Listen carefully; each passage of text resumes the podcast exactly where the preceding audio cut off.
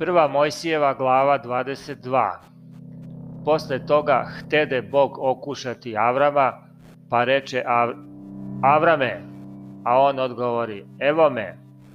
I reče mu Bog, uzmi sada sina svog jedinca svog milog Isaka, pa idi u zemlju Moriju i spali ga na žrtvu tamo na brdu gde ću ti kazati.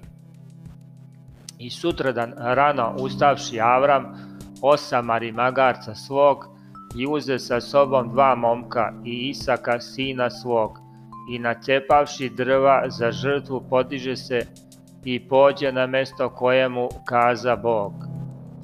Treći dan podigavši oči svoje, Avram ugleda mesto iz daleka. I reče Avram momcima svojim, ostanite vi ovde s magarcem, a ja i dete idemo onamo, pa kad se pomolimo Bogu, vratit ćemo se k vama. I uzevši Avram drva za žrtvu, naprti Isaku sinu svom, a sam uze u svoje ruke ognja i nož, pa otidoše obojica zajedno. Tada reče Isak Avramu ocu svom, oče, a on reče, šta je sine? I reče Isak, eto ognja i drva, a gde je jagnje za žrtvu? A Avram odgovori, Bog će se, sinko, postarati za jagnje sebi na žrtvu i iđahu obojica zajedno. A kad dođoše na mesto kojemu Bog kaza, Avram načini onde žrtvenik i metnu drva na nj i svezavši Isaka sina svog metnu ga na žrtvenik vrh drva. I izmahnu Avram rukom svojom i uze nož da zakolje sina svog. Ali anđeo gospodni viknu ga s neba i reče, Avrame, Avrame, a on reče, evo me.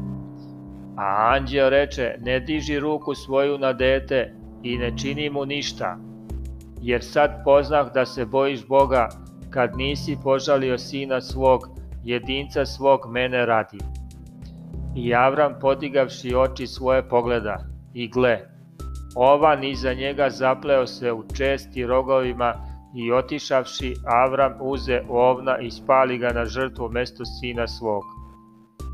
I nazva Avram ono mesto, gospod će se postarati, zato se i danas kaže na brdu gde će se gospod postarati.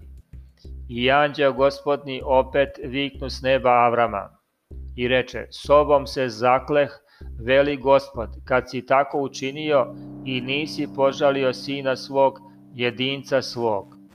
Zaista ću te blagosloviti i seme tvoje veoma umnožiti, da ga bude kao zvezda na nebu i kao peska na bregu morskom i nasledit će svoje seme tvoje vrata neprijatelja svojih i blagoslovit će se u semenu tvom svi narodi na zemlji, kad si poslušao glas moj. Tada se Avram vrati k momcima svojim, te se digoše i otidoše zajedno u Virsaveju, jer Avram živeše u Virsaveji. Posle toga javiše Avramu govoreći, gle, i Melha rodi sinove bratu tvom Nahoru, Vuza prvenca i Vuza brata mu, i Kamuila, oca Aramovog, i Hazada i Jazava, i Faldesa i Jeldafa i Vatuila, a Vatuelo, Vatuilo rodi Reveku, osam ih rodi Melha Nahoru, bratu Avramovom. I inoča njegova po imenu Revma rodi i Jona, Taveka i Gama i Tohosa i Moha.